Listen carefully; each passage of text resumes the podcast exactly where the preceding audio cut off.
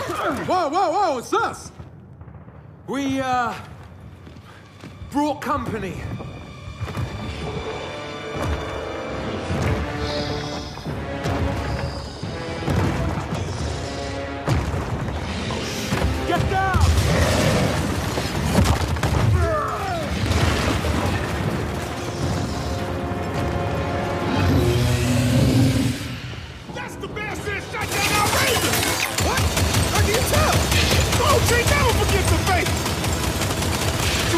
Shoot this thing? Target the blisters!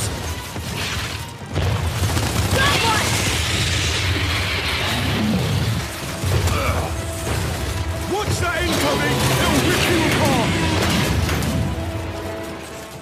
Welkom bij de zevende aflevering van Club Buttonbashers. Die gaat over, en dat is gelijk mijn eerste aandachtspunt Niels, Gears 5. Ik vind dat stom. Jij vindt dat stom en ik weet waarom. Ja, Ja, dat vind ik stom. Niet omdat we het over Gears 5 gaan hebben, maar waarom niet Gears of War 5? Want zo heet toch de, de serie? Dat is toch de franchise? ja, ja, dat klopt. Gears of War. En ik zal het waarschijnlijk ook tijdens deze aflevering per ongeluk af en toe Gears of War 5 noemen. Ja, Maar ja, ik gok dat het iets te maken heeft met een andere gameserie die zich af laat korten tot GOW. Hmm, dat het daardoor komt, ja. Denk je dat het door God of War komt? Ik denk het wel. Ik weet het niet zeker. Er is vast wel een interview te vinden online. Maar die heb ik nog niet gelezen, nee. Nee, nee, ik ook niet. Nou ja, dat is. Ja, weet je, het, aan de andere kant zou je kunnen zeggen: hebben wij Gears of War 4 ooit, als je er veel over hebt, Gears of War 4 genoemd? Nee, dan zullen we zeggen we Gears 4, want dat is lekker kort en iedereen weet toch waar je het over hebt. Maar goed, eh, ja, bij de Coalition dachten ze: laten we het iedereen maar makkelijk maken. We noemen het Gears 5. En eh, een andere reden dat ik het stom vind, is dat. eh, eigenlijk Gears 5 wel qua verhaal een directe opvolger is van Gears of War 4. Dus eh, ja, ik weet niet, het breekt voor mij een beetje het idee van, eh, van de reeks. Nou ja, goed. Niks aan te doen. Misschien- Ja. ah, Nee, als, als dat ook het enige is, waar waarom... Ja, goed. Ze hebben ons nooit om onze mening gevraagd, hè? Nee, nee, dat is ook zo inderdaad. En toen we hem uitspeelden, heb ik ook geen invulformuliertje gezien waar ik kon zeggen: dit vond ik er minder aan. Eh, maar goed, de dingen die we minder vonden aan deze game, daar komen we straks eh, vanzelf wel op. En dan is de naam inderdaad niet het, het grootste punt. Eh, ja, Gears 5 eh, is eigenlijk wat je mag verwachten, denk ik, onderaan de streep. Als je iets anders in de Gears of War reeks gespeeld hebt. Behalve eh, die twee spin-offs die er zijn. Gears of War Tactics en Gears Pop. Oh, heet niet eens Gears of War Tactics. Hier gaan we al. Het heet Gears Tactics. En Pop. Maar het is een, eh, een cover-based shooter. ehm, vol actie en ontploffingen en mooie beelden. Eh, het is het vervolg op 4. Het verhaal gaat ook verder, Niels. Maar ook weer een beetje niet. Ehm, ja, ik weet niet. Hoe vond, wat vond jij van het verhaal en het, de vervolging die het kreeg op Gears of War 4? Ja, nou, ik vond het heel fijn ten eerste dat ze in het begin van Gears of War 5 een recap geven van Gears of War 4. Ja. Wat daar is gebeurd, wat je daar nou precies hebt bereikt of hebt meegemaakt en hoe dit deel dat dan op doorpakt. Maar ik moet zeggen, ik ben alweer vergeten wat het verhaal in grote lijnen ongeveer was. Ik kan me nog wel een paar dingen herinneren. Bijvoorbeeld, volgens mij in het begin van het spel, dan ehm, proberen we de Hammer of Dawn te gebruiken, maar die werkt niet meer. En Nee. dan ben je een heel groot deel van het spel bezig om een raket te lanceren. Om ehm, de Hammer of Dawn weer te laten werken. En dan is hij heel onprecies. En dan moet je beacons gaan plaatsen. En helemaal op het einde van het spel. Nou ja, ik begin alweer te spoilen. Maar dan kun je de Hammer of Dawn niet eens gebruiken. Heb je alles voor niks gedaan. Ja, nee, ja, dat is ook zo. In het begin eh, doet hij het niet omdat alles offline is. Ehm, en, en de leider van jouw groep, van, van de groep waar je hoort, van de kok, van de COG, die wil ook eigenlijk niet dat je hem online gaat brengen. En dat kan dan ook niet, want die satellieten zijn er niet. Maar er zijn er wel satellieten van een andere groepering, die het dan eventueel wel zouden kunnen doen. Ehm, en dan ga je eigenlijk op een soort geheime missie om dat voor elkaar te krijgen. Maar dat vond ik eigenlijk nog niet eens echt het verhaal. Het verhaal, en daar kunnen we niet zoveel over zeggen.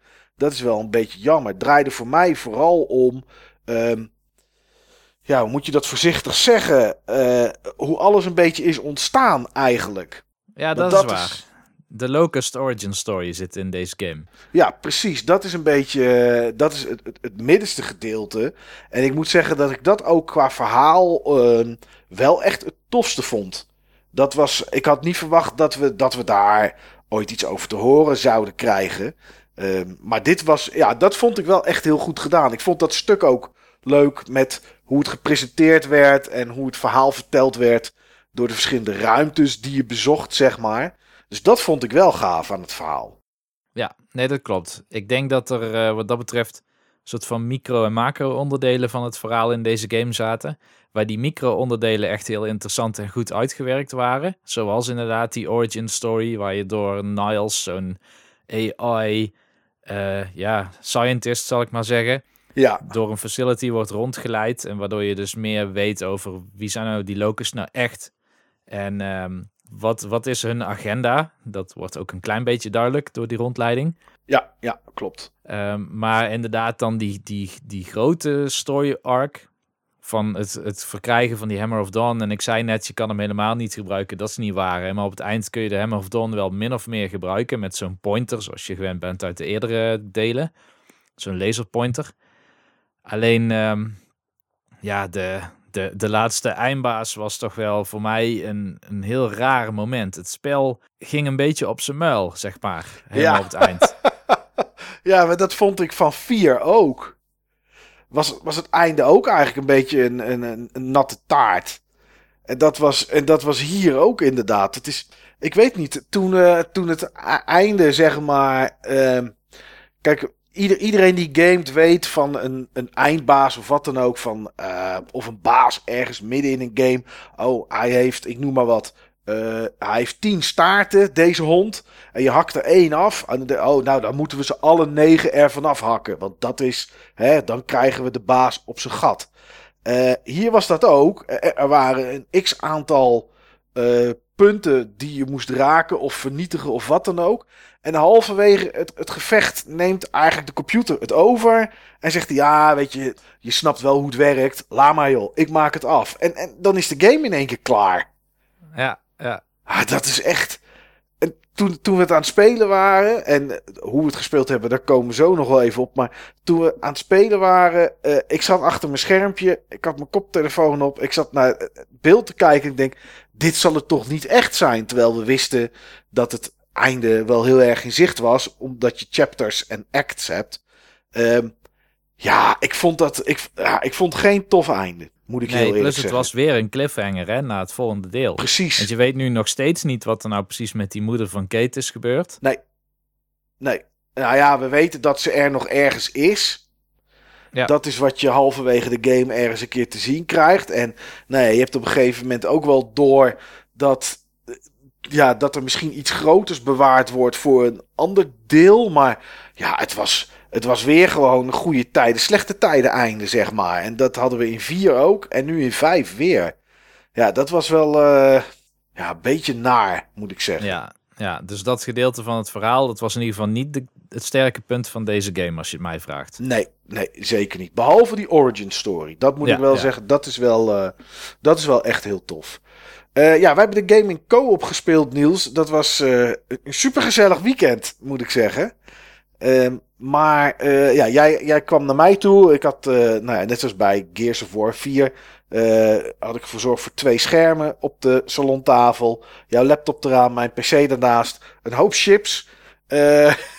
Zeker, iets van zeven soorten geloof ik. ja, ja, we zijn goed bediend door Bianca. En als het op was, dan werd het weer gevuld. Eh, ja, drinken erbij, eh, eten, eh, gezelligheid. Maar ja, toch ook een klein beetje teleurstelling bij mij, Niels. En dat kwam één, doordat we hem niet in het weekend uitgespeeld kregen. En dat we op een gegeven moment toch hebben moeten switchen van Insane naar Experienced, was het volgens mij. Ja, klopt.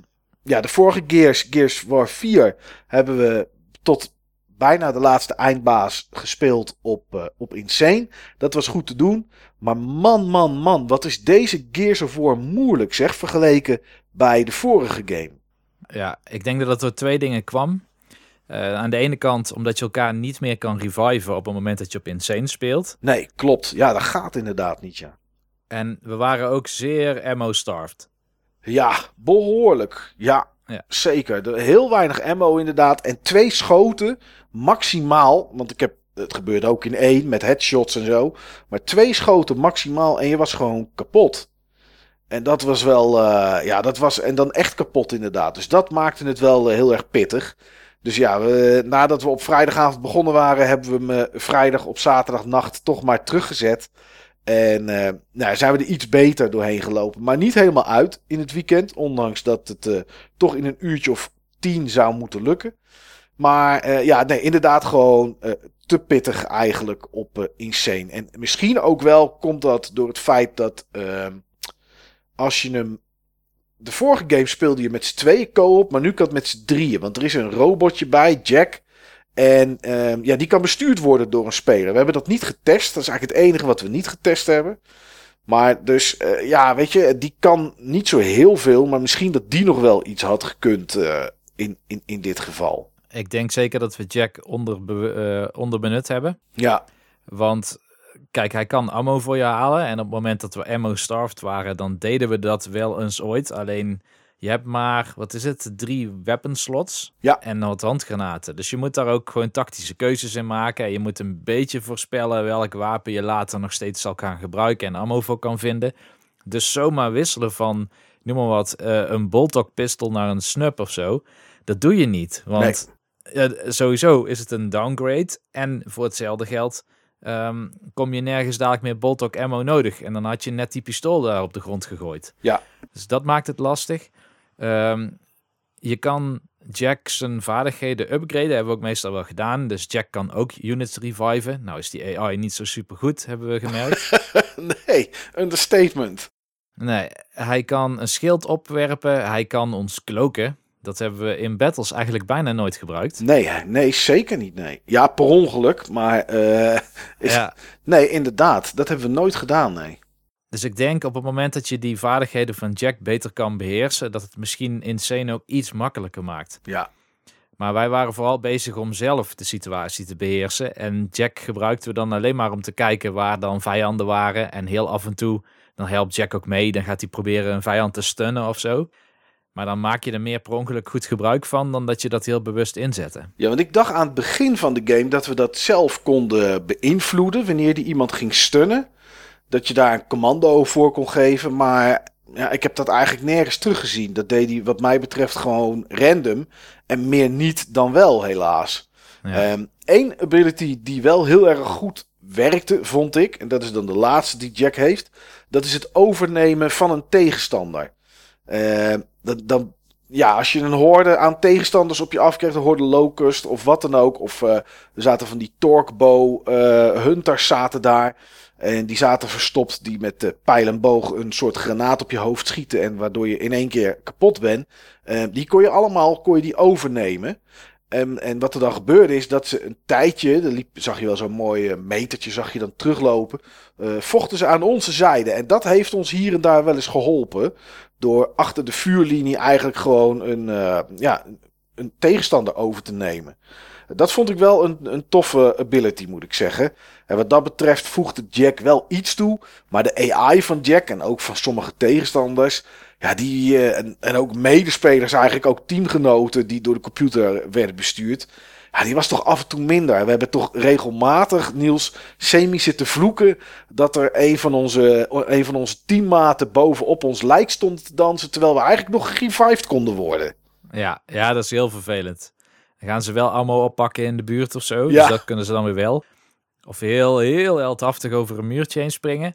Maar ze gaan je niet reviven. Nee, dat vond ik ook een van de zwakkere delen van deze game. Die AI van je medeteamgenoten is echt slecht. Ja. Je hebt ook bijna niet het gevoel dat ze je helpen. Ze zijn meer een soort van cannon fodder, zeg maar. En ze leiden misschien wat beestjes af. Zodat niet iedereen met de gun op jou gericht is. Maar daar heb je het ook wel mee gezegd, volgens mij. Ja, inderdaad. Dat is, eh, dat is eigenlijk het enige wat ze echt een beetje, een beetje voor je doen. Eh, ja, en in de cutscenes zijn ze er. Maar ja, goed. Dat, eh, dat was ook niet zo heel erg, niet heel erg boeiend wat ze, daar, wat ze daarin deden. Waar deze Gears wel in afwijkt. En ehm, dat kom je in chapter 2 en 3 tegen. En dat vond ik toch tof, Niels. Is dat die game op dat moment open wordt. Nou ja, open.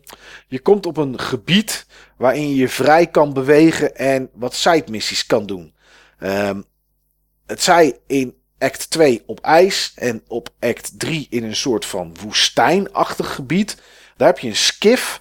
Tenminste, nou ja, goed, klinkt net alsof iedereen weet wat het is, maar ik wist het ook niet. Maar het is een soort, uh, uh, ja, een soort zeilboot op land, zeg maar. Het, wordt, het zijn een soort skis met een zitje en een, uh, en een groot zeil dat eraan hangt. En daarmee kan je dan je vrij bewegen. Kan je points of interest kan je bezoeken. En daar kan je wat, wat backstory krijgen. En wat ammo oppakken vaak. Of wat upgrades voor Jack. Want je krijgt eigenlijk per act te zien Um, hoeveel collectibles er zijn en hoeveel upgrades, uh, of in ieder geval onderdelen om Jack te upgraden, er beschikbaar zijn. Dat loopt soms uh, van 13 uit tot 116. Uh, dat zijn er dus best wel wat. Hoe, hoe vind je dat, Niels? Vond je dat een toevoeging? Of had je iets van, nou, dat had voor mij niet gehoeven, corridor en, en gaan? Ja, dat open wereld gedeelte deed me ten eerste heel erg denken aan hoe God of War, die uit 2018 de open wereld invloed heeft uh, in die Lake of Nine, of ik weet niet meer ja, hoe dat heet. Ja, Lake of Nine inderdaad, ja. Ja, dus zoiets moet je je voorstellen. Dus het is meer een grote omgeving, inderdaad, met een aantal point of interests. En je objective leidt je meestal gewoon naar waar zeg maar, de main quest mee bezig is. Maar je wordt er van alles afgeleid. Ja. Dus je ziet overal als je ergens een vlag ziet, dan kun je waarschijnlijk daar stoppen. En een NPC zal waarschijnlijk ook iets gaan vertellen over die omgeving. Dan weet je dat je daar iets kan gaan doen. Nou, dat hebben wij misschien twee keer gedaan of zo. Ja, twee of drie keer inderdaad. En uh, ja, goed, als je dan klaar bent, staat er location completed. En dan heb je alles daar gehaald eigenlijk wat er te vinden is. Ja, ik vind het, ik vind het eigenlijk heel erg goed. Alleen het enige nadeel van dit systeem vind ik dat het niet goed werkt met co-op. Want er zit gewoon iemand op die slee en die kan alleen maar niks doen. Ja, ja dat is zo. ja, dat is zo inderdaad. Eén speler bestuurt die vlieger ja. en de anderen die staan er gewoon maar zomaar bij. En die kunnen echt helemaal niks doen in de tussentijd. Ja, misschien roepen, hey, er is een tornado hier rechts, pas op. Misschien een beetje naar links afbuigen. Ja, je kan een, een, een marker op de map is het enige wat je kan doen als je erop zit inderdaad. Ja, en dan vind ik die open wereld misschien net iets te groot. Want je bent toch regelmatig wel een aantal minuten bezig om ergens naartoe te komen. Ja. Um, dus ik denk dat ik dat het zwakkere gedeelte vind. Maar ik vind het eigenlijk wel een vooruitgang voor Gears in het algemeen. Want ik hou wel van die kleine corridors, zeg maar. Dat is dan heel beheerst, wordt dan de pacing van de game bepaald door de makers. Ja. Maar ik moet wel zeggen dat het, ja, voor, voor mij het, het gedeelte dat ik deze Gears nog een keer zou kunnen spelen, maar een andere beleving krijg, omdat ik alleen al op een andere volgorde misschien al die kralen, zeg maar, die je daar vindt, al die extra missies aan mijn uh, ervaring rijg. Dat, uh, dat maakt dit wel een game, zeg maar, die ik graag een keer nog zou willen herspelen. Ja, nou, dat is wel zo. Kijk, ik vond het wel, uh, ik vond het wel goed dat het, er, dat het er was. Want ik denk wel, ondanks dat we ons prima hadden vermaakt, als het gewoon Gears of War 4 was geweest met een nieuw verhaal, denk ik wel dat het goed is dat ze, dat ze dit doen om, om ervoor te zorgen dat er gewoon vernieuwing in de game zit. Want ja, uh, het is het zesde deel in de, in de, in de main series. Ja, het is al wel uh, via vijf delen dan precies hetzelfde elke keer. Ja, de ene keer zit er wel een ritje met een auto in, de andere keer met een motor en, en, en dat soort zaken. Maar het, het blijft, je moet van punt A naar punt B. En dat is hier ook zo natuurlijk. In die open wereld moet je ook van punt A naar punt B. Maar het is niet erg als je even ergens anders gaat kijken of iets gaat ontdekken. En dat is, wel, uh, dat is wel grappig, want die locaties zijn wel stuk voor stuk best aardig in elkaar gezet. Het is niet zo dat ze zes huisjes hebben gemaakt, dat ze die copy-paste doen en dat ze die op 30 plekken neerzetten. Want zoveel van die uh, locaties zijn er dan ook weer niet. Het zijn er vaak zes of zeven of zo, zo wat ik even snel gezien heb per, uh, per map. Dus het is niet zo dat je uren en uren bezig bent, maar het voegt wel iets toe. En dat was op zich, ja, op zich vond ik dat wel ja, wel tof. Het enige wat ik er dan altijd jammer aan vind, is um, dat op het moment dat je dan in de story verder gaat, maar dat hebben meer games, ik bedoel Fallout heeft precies hetzelfde, dat je dan zo'n pop-up krijgt die zegt, als je nu doorgaat, kan je niet meer terug. Ja, dat laat mij als speler wel heel erg weten dat ik uit die open wereld wegga. En uh, weet je wel zeker dat je dit wil, want als je dit nu doet, ah, kan je niet meer terug. Ja, Ja. oké. Prima, weet je, zie ik vanzelf wel.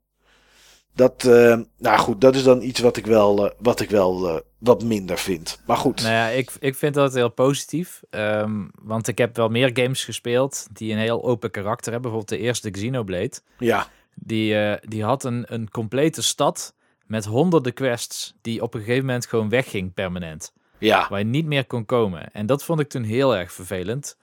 Ehm, ook al, ik dacht wel dat het verhaal je wel een waarschuwing gaf hoor. Of dat het in ieder geval heel duidelijk was dat er zoiets ging gebeuren. Maar ja, dat, die, die ervaring zeg maar, die heeft me wel zo bijgestaan dat ik het altijd wel waardeer wanneer een game het aangeeft. oké. ja, ik snap wat je bedoelt. Ja, aan de andere kant, als ze zeggen van... eh hey, eh, als we dit doen, dan ontploft heel de planeet. Ja, oké, dan weten we van... eh, dit, is het punt dat we hier niet meer terug kunnen komen. Maar ik, ja, ik snap wat je bedoelt. Als je wel alles verzamelen wil en ehm, je denkt van... Oké, weet je, heb ik... Heb, ja, kom straks nog wel een keer terug. Ja, dan is het misschien wel prettig als je, als je het weet. Ehm, zoals altijd hebben we de game op het forum eh, gezet. Op eh, www.button-bashers.nl is altijd een topic. En daar hebben we aan mensen gevraagd. Mocht je het gaan spelen, laat eventjes je mening weten. Nou, was dit niet een game. Ondanks dat, eh, geloof ik, in het eerste weekend 3 miljoen mensen de game gespeeld hebben. Omdat die in de Xbox Game Pass zit. Ehm, voor PC en voor Xbox. Dus het is eigenlijk een, eh, ja, een schrijntje ben je kwijt van het aanschaffen van de game om hem te spelen. Ehm, maar dit is misschien wel even een leuk punt om die meningen die er zijn eh, erbij, te, erbij te halen. Volgens mij hebben twee mensen de game ook gespeeld of geprobeerd te spelen. Nou, misschien moeten we het zo noemen. De eerste is Finger. Dat is altijd een trouwe, een trouwe meespeler met ons. En die zei op een gegeven moment: Ik ben net door chapter 1 heen, maar ik kan inderdaad al wel merken dat het een stuk lastiger is. Wat ik zelf in ieder geval wel heel erg positief vind, is dat de game op technisch vlak een stuk beter draait dan het vorige deel. Nou weet ik niet precies waar hij het op gespeeld heeft. Eh, ik kan me zomaar voorstellen, een Xbox, als hij dit zegt. En nou, ik denk dat het PC was, maar ik weet het niet zeker, nee. Hmm, Oké, Overigens had hij Gears 4 eerst gespeeld, hè, tijdens dat wij met Gears 5 bezig waren. ja, ja, ja. Ehm, ja, hoe vond jij het draaien, Niels, de game? Hoe is de performance? Ja, nou, daar was iets voor nodig bij ons. Want, ehm, ja, mijn, eh, wat is het, GeForce Experience of zo? Ja, Zo'n eh, ja, zo'n tooltje dat bijhoudt of dat je op de laatste versie van je drivers bent. Die had net voordat we met Gears of 5 begonnen waren geadviseerd om te upgraden naar nieuwe drivers voor mijn GeForce. Wat is het? 1070. 1070 Ja, of 1000. ja, Ja, ja. precies. Dus dat heb ik maar gedaan. En ehm, om een of andere reden kwamen we er al snel achter dat bij mij op mijn laptop, mijn Alienware laptop, de game toch redelijk stotterde. ja, heel erg. En ja, en eh, ik heb denk ik een half uur geprobeerd met allerlei graphics settings van ultra naar low naar medium naar high. Het maakte eigenlijk allemaal niet uit. nee, De stotter ging niet weg. En toen zijn we gaan, eh, gaan browsen op het internet en toen kwamen we tegen dat een oudere versie van de drivers beter draaide. Ja. En dat klopt, want toen ik het thuis had geprobeerd even te spelen, voordat we gingen spelen, toen draaide het prima. Toen dacht ik, nou, dit gaan we doen. Ik had alles op ultra gezet. Het zag er prachtig uit. Het draaide goed. Ik heb toen nog, net voordat ik naar jou ging, de drivers geüpdate voor de zekerheid. Kwam bij jou en toen was alles ja, verschrikkelijk. Zoveel stottering, framehaperingen. Ja, het Heel was raar. echt niet normaal inderdaad. En ik heb ook een 1070 in mijn PC zitten. Maar ik had de drivers nog niet geüpdate. Dus ik zat inderdaad, eh, geloof ik, een 0,05 halve, ehm, hoe heet het, versie lager inderdaad. En ik had het, ik had het niet. Dus dat klopt inderdaad. En toen hebben we die geup, geüpgrade. Maar het rare was dat vrijdagavond stotterde in het begin even. En daarna was het weg. En de volgende dag was het in één keer weer terug. Dus het was heel vreemd wat er aan de hand was. Maar goed, oudere drivers van Nvidia. Inmiddels zijn er weer nieuwere dan, eh, dan toen wij het gespeeld hebben. Ik heb geen idee of die verbetering, eh, verbetering opleveren. Maar goed, eh, ja, oudere drivers losten het inderdaad dat, probleem, dat probleem op. Ja, en toen we dan eenmaal de juiste drivers hadden, toen draaide het echt als een zonnetje. Ja, En zo mooi en zo scherp. En zo nieuwe effecten. Effecten die je eigenlijk gewend bent bij games die op de halve framerate draaien. Draaide gewoon 60 frames per seconde. Het was echt geweldig. Ja, ja, ik heb ook nog nooit, eh, wij hebben Gears of War 4 dan ook in ieder geval op deze manier naast elkaar op de bank eh, gespeeld, Niels. En nou ja, goed, eh, gezien jouw beroep en alles en, en interesse, sta je wel eens stil om eventjes te kijken en weet ik wat allemaal. Maar ik heb nog nooit zo vaak in die game gedacht, Niels, waar blijf je? En dan keek ik naast me en dan zag ik, oh, Niels staat weer even te kijken naar een effect. En Ja. dat is, ja, nee, dat is alleen, vind ik alleen maar mooi, want dat is echt lachen. En daar leer ik ook weer wat van. Dus ik vind dat, ik vind dat heel tof. Maar het was echt, de, ja, er zaten zoveel momenten in.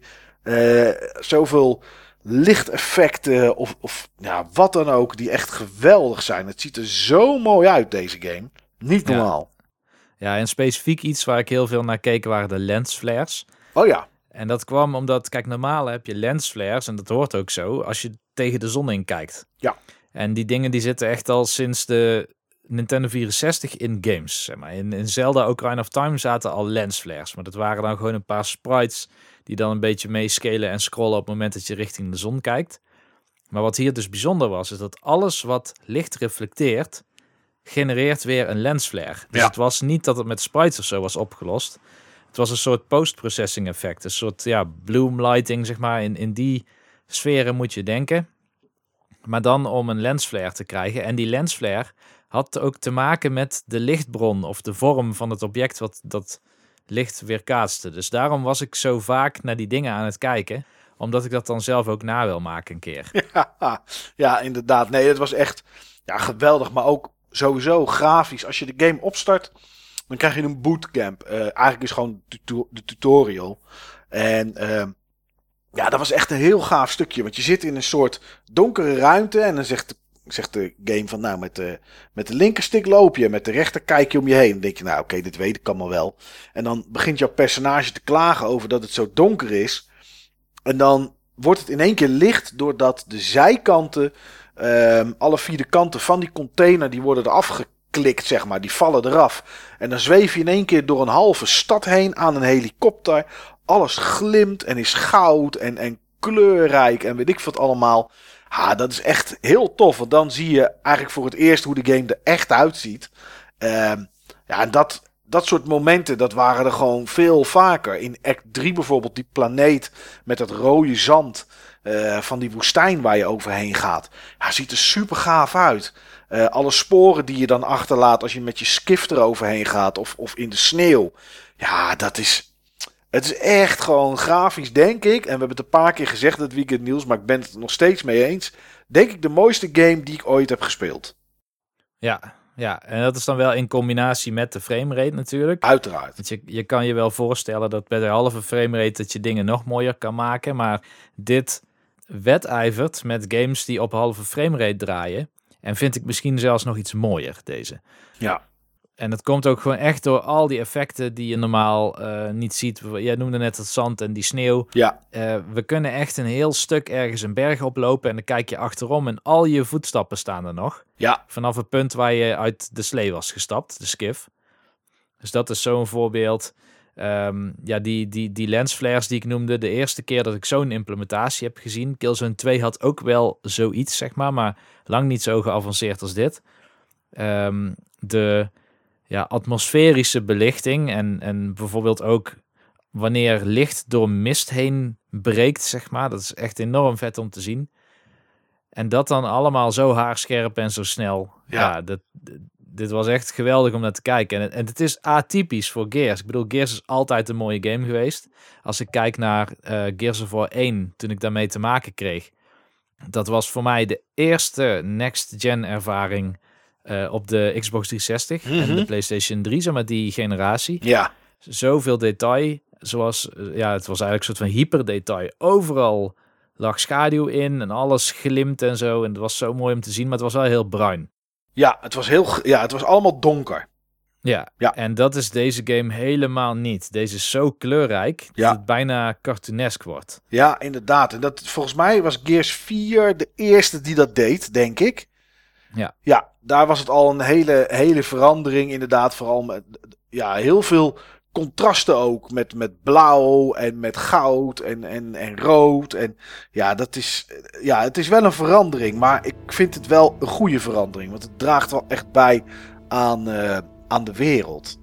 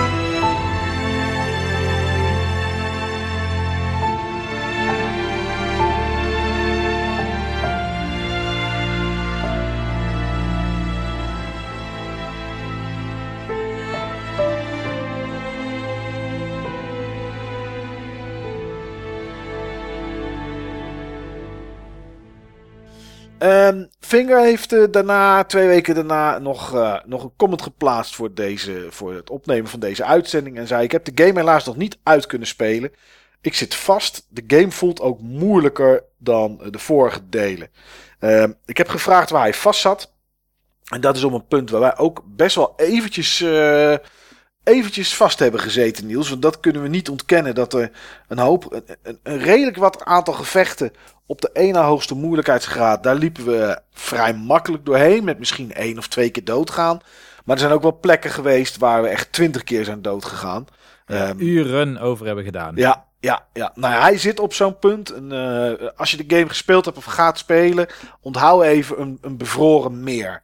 Dan, uh, meer dan dat zullen we niet zeggen. Uh, er zitten meer plekken in, maar deze is wel heel erg duidelijk. Waar je ja, een tijd bezig bent om een, om een horde tegenstanders van je, van je, af, te, van je af te houden. Um, ik wil nog heel even inhaken op ja, dat bevroren meer, los van deze situatie. Maar dat was ook nieuw, had ik ook nog niet gezien in een Gears of in een andere game. Dat een meer wat bevroren is, als je in het ijs schiet, dan kun je het losschieten. En vijanden die daar staan, die zinken dan. Ja. En uh, na verloop van tijd dan vriest dat meer weer vast en dan kun je er weer overheen lopen. Ja. En het kan ook jou overkomen. Jij kunt ook ergens lopen. Klopt, En er zeker. komt een granaat bij jou in de buurt. En in Ja. één keer zak je door het ijs heen. Ja, in één keer wordt het beeld donker en eh ploep, daar lig je inderdaad onder het, eh, onder het ijs. Ja, nee, klopt. Dat, was, dat had ik ook nog nooit gezien. Z- sowieso kan ik me eh, geen enkele game nu op dit moment zo herinneren waar tegenstanders aankomen en dat je de vloer onder ze wegschiet en dat het weer terugkomt, zeg maar, en dat je het nog een keer kan gebruiken. Dat is wel, eh, ja, dat is wel, wel apart.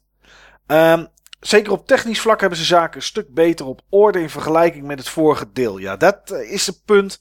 Ehm dat ben ik niet helemaal eens met Finger. Eh, want ik vind dat we buiten proporties bezig zijn geweest, Niels, om bugs, eh, om daar omheen te werken, om game opnieuw op te starten. Vergelijking met 4 hebben we hebben, nou, bij 4 kan ik me helemaal niet herinneren dat we het moesten doen. Maar eh, bij deze game hebben we een paar keer toch gehad dat we niet de last checkpoint, maar de previous checkpoint in moesten laden. Ehm, Ik kan me herinneren dat het volgens mij chapter 1 act 2 was. Waarbij we, toen speelden we nog op Insane. Ehm, op het moment dat we controle kregen over ons, onze personages, eh, lag jij beneden op de grond onder een stuk steen.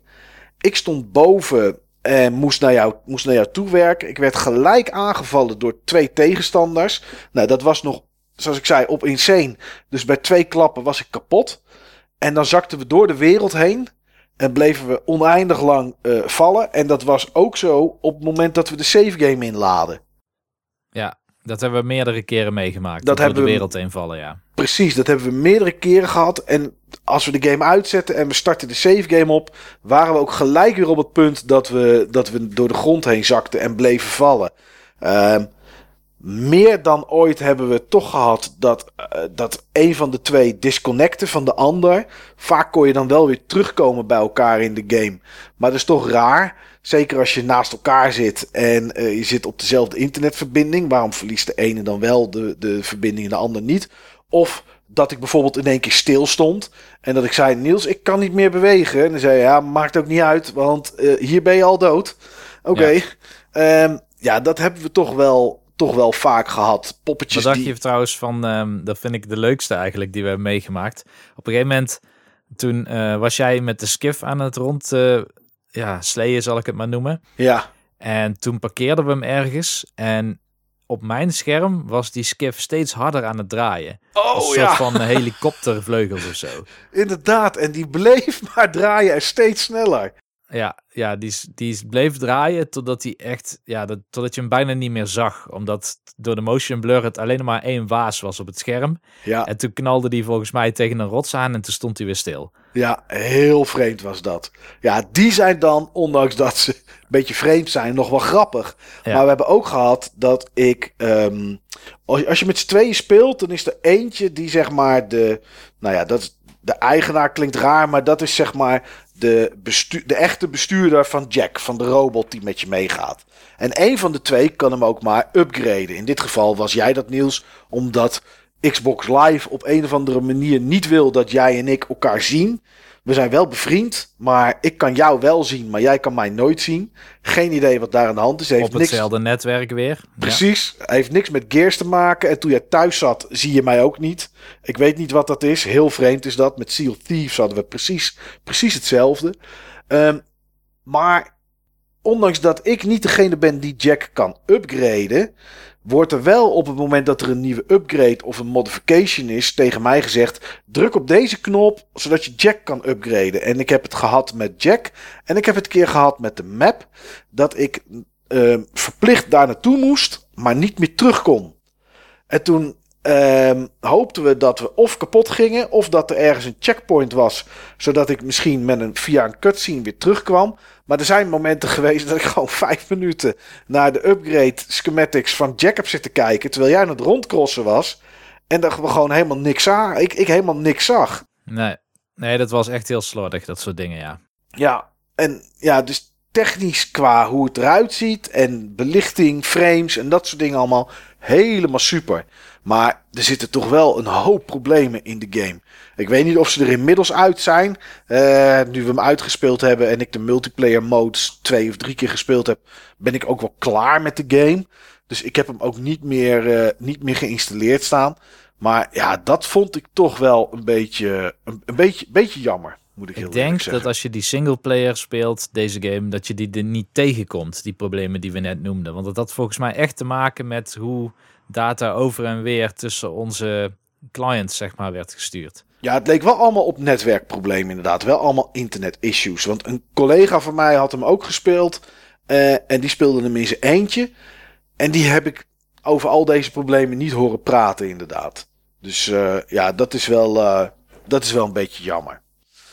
Uh, heeft de game ook gespeeld. Die zei ik heb Act 1 uitgespeeld. En ik had in het begin nogal het meh gevoel. Uh, omdat hij twee keer dezelfde soort assets aan het doorzagen was. In het begin moet je twee keer kabels doorzagen. Die kabels zagen er precies hetzelfde uit. En had zoiets van, ja, weet je, kom op. Maar gelukkig zegt hij, is dat bij die twee keer gebleven. En verder blijft het Gears. Mooie omgevingen, weinig interactie. Kan nog niet eens een wc-deur openen. Nee, ja, dat klopt. Dat is inderdaad in deze games niet. Uh, je kan niet echt gaan. Ja, je kan wel wat ronddolen. Je kan wel een keertje naar links. Als je eigenlijk weet dat je naar rechts moet. En er ligt dan vaak een collectible. Uh, maar dat is het inderdaad wel, Niels. Het, maar dat is Gears nooit geweest. Uh, je kan nooit wc's in. Of een extra huis in. Of wat dan ook. Het is, het is recht toe, recht aan, hè? Ja. Ja. ja, en dat is ook meteen een van de, vind ik, krachten juist van de serie. Alleen ik denk wel dat op het moment dat je misschien later in de serie instapt. Ik weet ook niet wat Toe Jam's historie nou precies met Gears is. Nee. Maar dat je misschien andere verwachtingen van die dingen hebt. Want de eerste Gears die was hyperlineair. Ja. En daar had je bijna gewoon één, zeg maar, ja, zal ik het even critical route noemen of zo, door een level heen. En als je dan al überhaupt ergens een ander kamertje of iets had, dan was het ook om daar aan een knop te drukken of ehm, een ammo kistje of zo te pakken. Ja, Maar je had nooit meerdere routes naar hetzelfde ding. nee, Of nee dat klopt. zelden. En nu heb je dat wel iets meer natuurlijk. Nu als je in act 2 en act 3 zit. Ehm, want daar heb je wel wat meer vrijheid. Maar ook daar is dat in, zeg maar. Als je in een soort dorpje-achtige setting komt. Waar wat huisjes staan. Ja, dan is de kans klein dat je overal naar binnen kan. Dat is, eh, ja, dat, dat is gewoon niet hoe het werkt inderdaad in deze reeks. Hij zegt nog heel veel geforceerde momenten waar je ergens doorheen kruipt of afspringt, zodat je weet dat je in het volgende gevecht terechtkomt. Maar de gevechten zijn gaaf om te spelen en er zit wel een lekkere bult uitdaging in. Nou ja, goed, dat, dat is het inderdaad. Weet je, het is, je wordt heel erg gedreven om eh, ja, een cinematografische ervaring te hebben. Dat is wat ze, dat is wat ze willen doen. En eh, ik moet wel zeggen dat ondanks dat je niet zoveel vrijheid hebt, het wel toch interessant is, tenminste vind ik, om al die omgevingen een beetje goed te bekijken. Want er zitten wel altijd een bult details in. Eh, alles lijkt wel met zorg geplaatst te zijn. Je hebt nooit het gevoel dat ze gewoon maar random wat zooi neergooien. Eh, maar dat is, ja, ik weet niet, dat vind ik toch wel, eh, dat vind ik dan toch wel weer leuk. Waardoor die omgevingen wel het bekijken waard zijn, eh, wat mij betreft. Ja. Ja, en wat ik ook heel tof vind aan de manier waarop ze hun omgevingen maken, is dat ehm, dat idee wat dan ooit Chest High Walls genoemd is. Volgens mij was Ja. dat Zero Punctuation of zo, die dat zo noemde. Maar dat wordt zo consistent met het level design verweven. Verwoven moet ik zeggen. Dat het ook daardoor juist geloofwaardig wordt. Het is niet zo dat je in een, ik noem maar wat, een facility komt, die research facility waar ik het over had met die Niles, die AI. En dat je daar in één keer andere regels hebt, zeg maar. Eh, Nee, je kan nog steeds tegen elke computer of tegen elk meubel kun je in cover gaan zitten. Ja. En eh, nog steeds kun je heel makkelijk uit cover weer naar andere cover toe gaan. En dat is, die controls zijn echt geweldig, die dat laten, die dat toestaan. Zeker, ja, dat is echt een, echt een, echt een ijzersterk punt van deze game. Sowieso de controls. Ja, dus het is niet zoals bijvoorbeeld bij Uncharted of zo, dat er dan heel duidelijk is van dit is een regeltje om te pakken. Of dit is een paal waar je tegenaan kan gaan staan, zeg maar. Nee, hier is alles, of nagenoeg alles, voldoet aan die regels. Ja, nee, dat klopt. En dat is, ja, dat geeft meer gevoel dat je de wereld echt kan benutten als een wereld. In plaats van hier is een object neergezet waar je achter moet gaan zitten. Dat is, eh, dat is wel zo inderdaad. En eh, sommige kunnen kapot, sommige cover waar je achter kan gaan zitten, sommige dingen kunnen dat niet. Ja, dat maakt het gewoon, ja, ik weet niet, gewoon een compleet, eh, een compleet plaatje wel. Ehm, naast de story zit er ook multiplayer in. Er zit horde mode zit erin en er zit escape zit erin en gewoon player versus player. Wij hebben ook een, nou ja, ik wou zeggen een potje, maar dat is ja, niet helemaal correct. We hebben ook een pot eh horde mode gedaan, Niels. Mhm. Ehm, ja, is eigenlijk wat je verwacht. Sinds Gears 4 heb je, en ik ben de naam kwijt, eh, een of andere kist die, eh, die je soort van moet beschermen. Ik weet even niet meer hoe dat ding heet. Ik ook niet, nee. Eh, Maar ja, dat is een kist waarmee je dingen kan kopen. Ja, inderdaad. Je kan er, eh, je kan er dingen mee upgraden en je kan daar, eh, eh, je kan daar wapens uitkopen en, eh, en, en dat soort zaken. Prikkeldraad of zo, om ergens neer te leggen. Ja, turrets, al dat soort spul. Nou, die zet je, die zet je neer en, en, en die gaan jou een beetje helpen. En voor de rest is het bij Horde Mode zijn het nou ja, 50 waves van tegenstanders die er komen. Met op elke tiende, tiende wave is het, een, is het een boss fight. En het was wel apart dat je echt een hele rits aan moeilijkheidsgraden. Je kan geloof ik echt iets van, eh, van kneus tot eh ubergod. Er zitten geloof ik zes of zeven, zes of zeven moeilijkheidsgraden zitten ertussen. Ehm, maar het is. De reden dat ik het een pot noemde is dat het niet heel erg kort was. Want we hebben dat gedaan nadat we de game hadden uitgespeeld. Volgens mij begonnen we om half tien of zo aan eh, een ronde horde mode. Op, nou, moeilijkheidsgraad 2 of 3 of zo. We, we hadden het niet. We hadden onszelf niet te hoog ingeschat. Ehm, ik geloof dat het 12 uur was, of niet, Niels, voordat dat een keertje klaar zoiets, was. ja. Zoiets, ja. Het Ja. was wel heel erg leuk, maar je had, ja... Het, er had voor mij meer tempo in gemogen. Ik had liever sneller afgegaan of zo. Het was allemaal beheersbaar. Ja. We speelden volgens mij met vijf in totaal, vijf spelers. Eh, ja, volgens mij wel, ja. Ja, Ja, en je kon elkaar natuurlijk gewoon reviven. En je kon elkaar helpen. Maar ja, het, het duurde maar door, zeg maar. Volgens mij had je echt iets van 50 rondes. Ja, het waren 50 rondes. Ja, dat klopt. En het meest vervelende of, of lullige was ook dat jij op ronde 43 of 44 gedisconnect werd. Ja, Ehm, ja, goed, dan ben je wel heel sociaal gebleven om nog even te luisteren of we het hadden gehaald, inderdaad. Maar eh, ja, jij zat inmiddels al in het menu en was eh, lekker aan het internetten en terecht. Want eh, ja, terugkomen, dat zat er niet echt meer in, omdat jij mij niet kan joinen, omdat we elkaar niet zien op Xbox Live. Ja. Dus ja, dat was dan een beetje, een beetje vervelend.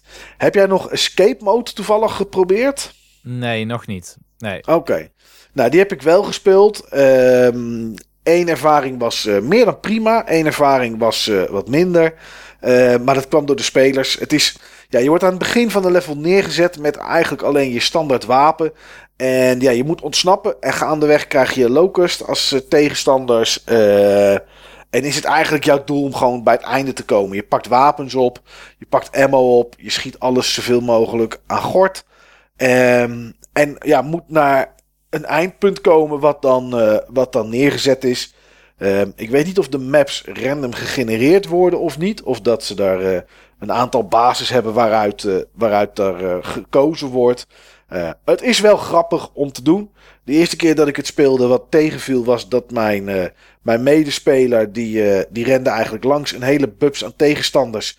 Waardoor hij ze activeerde en ging dan op zoek naar waar de uitgang was. Waardoor ik eigenlijk met al die gasten af moest rekenen. Nou, dat was in mijn eentje, waren dat toch net eventjes iets te veel. En eh, de tweede keer speelde ik het met twee anderen die netjes een beetje, eh, ja, zonder communicatie, iedereen een beetje op elkaar bleef wachten. En ehm, ja, en je ja, gewoon naar het einde kwam, daar wat gasten neer ging schieten en, eh, en, en ontsnapte. Het is wel grappig, eh, maar goed, ik zei net al, de game is inmiddels van mijn harddisk verwijderd. Dit is niet iets dat ik eh, tot eh, lengte der dagen nog blijf spelen. Dat is, ja, ik weet niet. Dat is niet, het is niet echt heel erg geweldig. Ik vind het wel leuk dat ze iets nieuws doen. Dat vind ik op zich wel leuk. Maar ja, voor mij blijft Gears toch vooral om het verhaal gaan, Niels. ja, bij mij ook. Ehm, wat wel is, ik geloof dat bij die escape mode kun je ook levels zelf bouwen. Dat heb ik Klopt. ergens gelezen. Ja. En er zitten heel veel multiplayer modes in.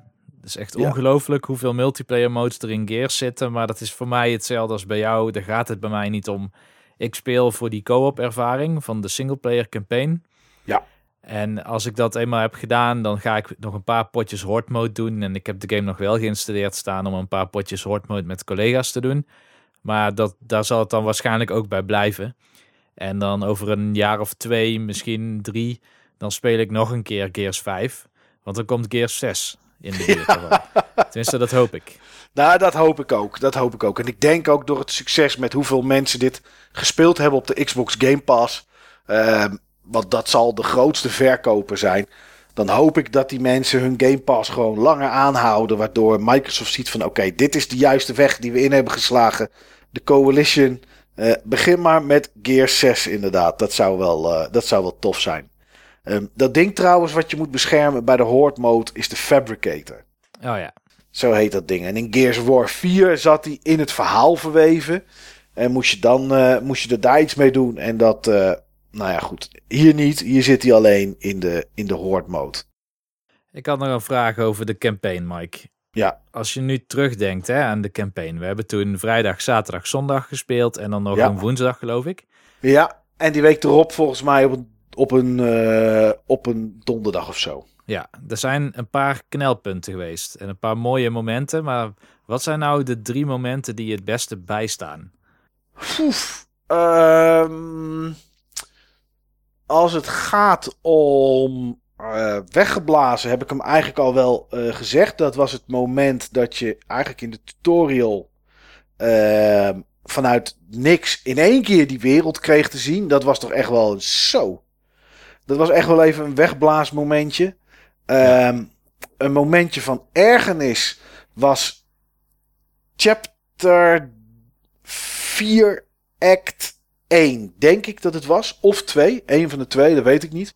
Ik denk 2 zelfs. Daar hadden we een hele grote tegenstander die, ehm, eh, met, met, die heeft dan een soort van blaren op zijn op lichaam. En die moet je kapot schieten. Dat zijn er best wel wat. Ehm, daarna kregen we een gevecht tegen een warden. Ik ga niet uitleggen wat het is. Als je Gears gaat spelen, kom je hem vanzelf tegen. Eh, en daarna nog een stuk. En dat was best wel pittig om te doen. En dat hebben we best wel vaak opnieuw moeten doen. We hebben een aantal dingen vaak opnieuw moeten doen. Maar deze staat me toch wel bij als een erg lastig punt. Ja, daar hebben we denk ik zeker twee uur bij stilgestaan.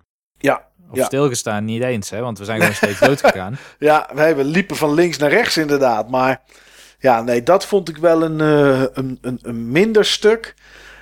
Eh, dus dat is wel een moment dat me bijgebleven is.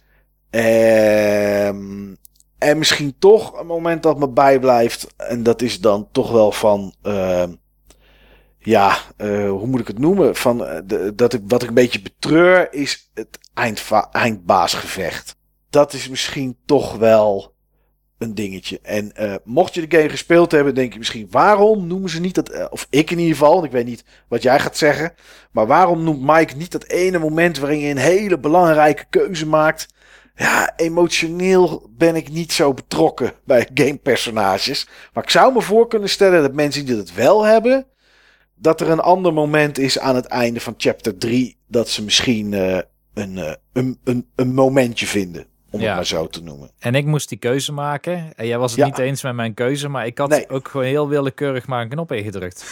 Want ik zag dat het spel aan het aftellen was van doe maar iets. Ik dacht, ja, ik weet niet wat beter is dan het ander, dus ik had gewoon een knop ingedrukt en ik wist niet welke consequentie daarbij hoorde.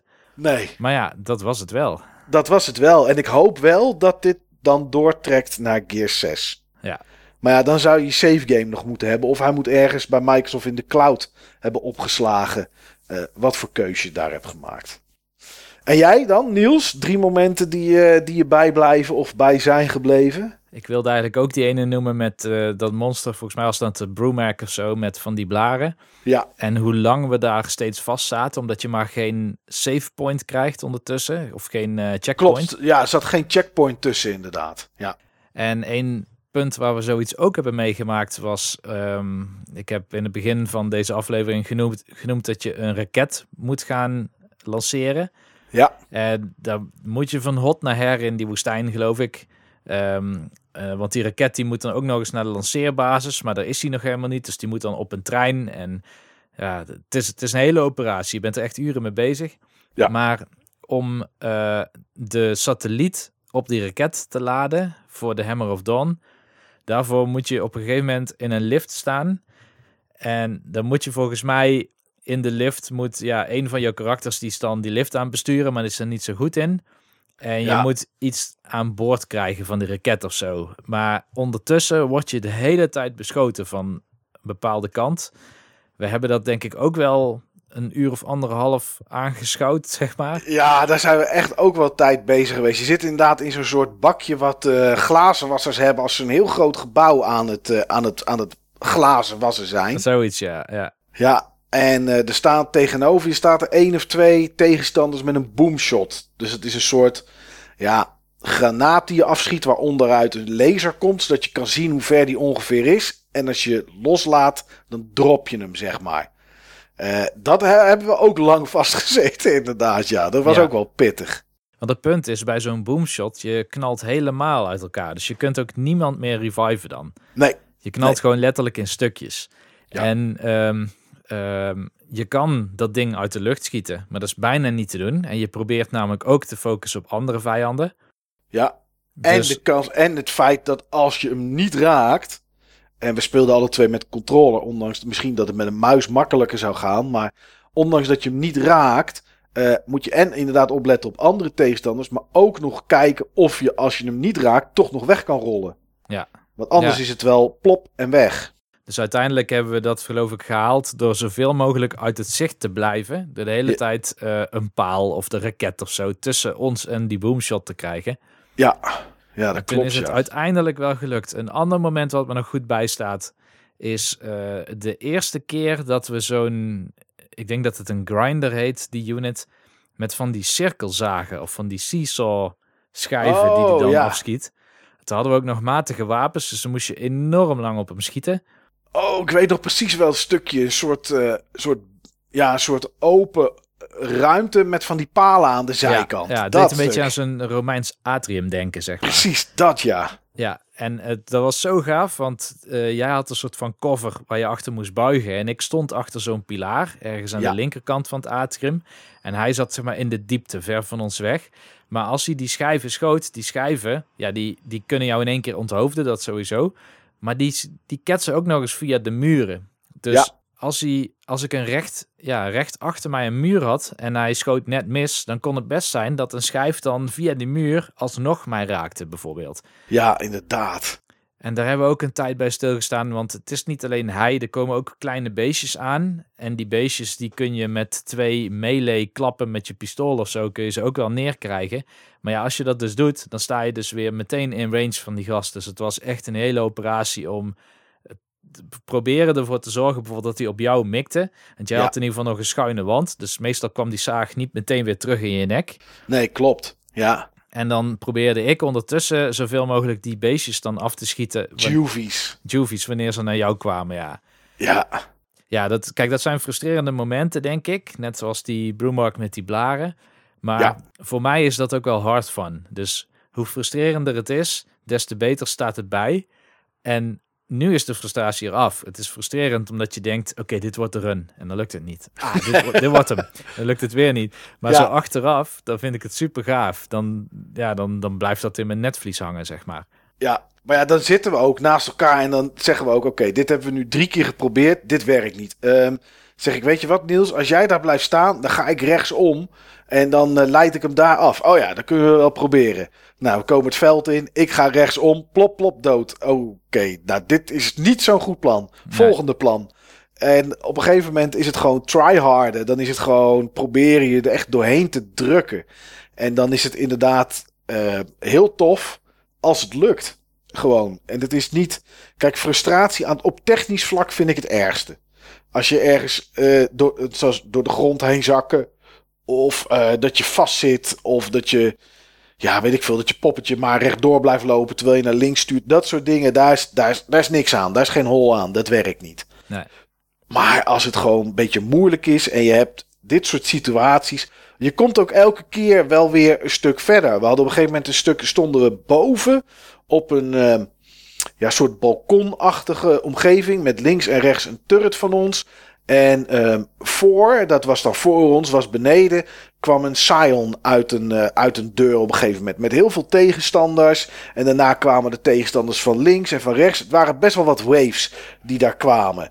Maar het is dan super gaaf als je elke keer weer een stukje verder komt. Ja, het is ook frustrerend als je doodgaat dat alles opnieuw moet.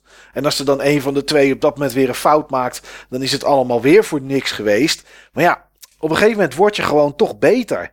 En dan, dan, dan lukt het gewoon om er doorheen te komen. En dat maakt Gears voor mij echt tof. Ja, ja, laatste van de drie, denk ik, dingen die me zijn bijgebleven, was een van de eindbazen die we hebben gehad. En dat was een eindbaas en die was blind. En de enige manier waarop die op je afkwam, was als die jou hoorde. Oh man, ik had deze al af. geblokt. Ik had deze alweer geblokt. Ja. ja, en ik speelde Kate, eh, een van de hoofdpersonages. En eh, zij, zij had regelmatig een soort visioenen. Maar die visioenen komen gewoon op lastige momenten. Het is wel fijn dat als je het spel, of als je zo'n sequence met zo'n eindbaas al 30 keer hebt gedaan, dat je exact kan voorspellen wanneer die komen. Ja. Dus dat, daar leken gewoon hele duidelijke regels eh, achter te liggen. Van de eindbaas is al zoveel geraakt of zo. En dan komt hij in die en die fase. Een eindbaas doet ook niet meestal gewoon één ding voor eh 20 minuten lang. Meestal dan doe je iets en dan wordt hij heel kwaad of zo. Of beschermt hij zijn zwakke plek en dan krijgt hij andere gedragspatronen. Maar dit was dus een eh, baas en die is blind. Die doet een beetje denken aan een baas in Gears 1 of zo'n blinde dude in eh, Resident Evil 4. Daar heb je ook van die blinde gasten Oh die ja, heel hard ja. op je afrennen. Alleen hij staat op het ijs en jij dus ook. Je hebt wel hier en daar ijspilaren waar je achter kan schuilen, want hij kan ook eh, een soort van projectielen schieten. Maar ja, één projectiel tegen zo'n pilaar en die pilaar is weg, permanent. ja. Dus dat is lastig. En eh, ja, de manier om die baas te verslaan is om hem door het ijs te laten zakken. Dus je moet heel slim moet je bezig zijn met ehm, ijs alvast prepareren, want het heeft best wel veel kogels nodig voordat het echt helemaal broos is, zeg maar. En eh, dan genoeg geluid maken of op hem schieten of zo, dat, die de- dat je de aandacht van hem krijgt. En dan hopen dat hij erin rent en dat je allebei, want hij zit er maar een paar seconden in, dat je Ja. dicht genoeg bij bent om om hem heen te rennen, om hem in zijn rug te schieten, want daar zit zijn zwakke plek. Ja, en ondanks dat hij je niet ziet, moet je toch een soort van line of sight creëren waar dan wel dat ijs precies tussen zit wat kapot is. Want Ja. als je dat niet doet, als je gaat schieten en je gaat een beetje naar links of rechts, ja, dan heb je kans dat hij langs dat wak rent. Ja, en dan zit hij er niet in. En eh, nou ja, goed, dan eh, of hij pakt je, of nou ja, de, hij heeft genoeg tegenstand, zeg maar, eh, kan die bieden. En dat was ook inderdaad een punt waar we lang vast hebben gezeten, Niels. Ja. Ja, ja, ja, dat was ook wel een, een heftig punt. Ja, ik denk dat we door Gears 5 of Gears of War 5 heen zijn, Niels. Ja, wat deze ook, uitzending ja. betreft. Ja. Ehm, overal gezien. Kijk, we hebben eh, Final Fantasy hebben we gespeeld. En we hebben Half-Life gespeeld. En dat was het aan het einde. Ja, heeft deze game de tand destijds doorstaan. En dat soort dingen. Nou, dat is hier niet aan de orde. Maar overal, eh, is het een goede game, Gears 5? Of is er te veel aan mis om het een goede game te noemen? Eh, overall vind ik het een hele goede game. In de runner-up voor Game of the Year voor mij, voor dit jaar. Mhm. Ehm, maar ik moet ook zeggen, voor mij is de Gears of War franchise is een van mijn favorieten. Ja. Ik denk dat hij ten onrechte een soort ehm, dude bro imago heeft. En dat komt denk ik door de tijd waarop hij uitkwam. Toen had Microsoft er best wel veel van die sci-fi, ja, eh, schiet alles maar kapot franchises, zeg maar. En volgens mij werd deze daar ten onrechte bijgeschaard. Terwijl dit Gears of War had wel echt veel nieuwe dingen. Gewoon echt goede encounter designs. Ik denk wel een van de beste in welke game dan ook. Met AI die je kan flanken en zo. Super, super gaaf. Dat active time reload, wat ik echt heel cool vind. Ja. Ik merk wel iets minder impact in dit deel dan in deel 1. Want dan kreeg je extra kogels in je magazijn als het lukte. Ja, hier waren ze volgens mij een stukje sterker. Want je zag dan dat je crosshair soms veranderde van rood naar geel. Terwijl dat bij mij juist een downgrade zou zijn. Ja, Je, zou denken, ja, je zou denken geel is minder heftig dan rood. Maar eh, ja, toch probeer je het wel. Omdat wat wel zo is, is, en dat leek wel iets heftiger te zijn in Gears of War 5 dan 4. Als je de active time reload eh, niet goed deed, dus dat je ernaast zat, na het moment dat je moest herladen, leek het wel of het herladen echt veel langer duurde. ja, dat klopt, ja. Ja, Dus dat soort invloeden, zeg maar. Ik ben echt gek op die franchise. Ik kijk er elke keer weer naar uit als er een nieuw deel komt. Ik heb bijna elk deel, heb ik ook meerdere keren uitgespeeld op Insane. Ik weet niet of dat, maar dat bij deel 5 nog gaat lukken, want ik vond het wel echt super, super moeilijk. ja was het ook is ongeveer even moeilijk als Insane in de andere games. Ja. Ehm, ik weet niet of dat ik hem beter vind dan... Of dat ik hem de beste vind in de serie. Daarvoor is het denk ik nog te kort geleden dat ik de game heb gespeeld. En ik denk wel dat ik in Gears 1 en 2 met name betere encounters heb gehad. Dus toen het nog de Epic Games werd gemaakt. Mhm. Het is een andere studio, die hebben andere prioriteiten, zeg maar. Ik moet wel zeggen, de essentie van Gears pakken ze perfect. Zeker weten. Eh, ja, maar de, de memorabele, ah, weet je nog dat we dan hier stonden en daar stond iemand met een turret. Ja, we hebben er nu een paar genoemd, daarom stelde ik die vraag ook, van welke momenten sta je bij? Ja, Maar ehm, ja, ik weet niet of dat die van hetzelfde niveau wel zijn.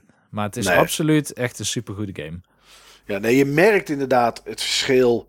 ehm, het verschil tussen 1 tot en met 3. Laten we Judgment maar eventjes een klein beetje vergeten. eh, die door Epic zijn gemaakt. Volgens mij was 3.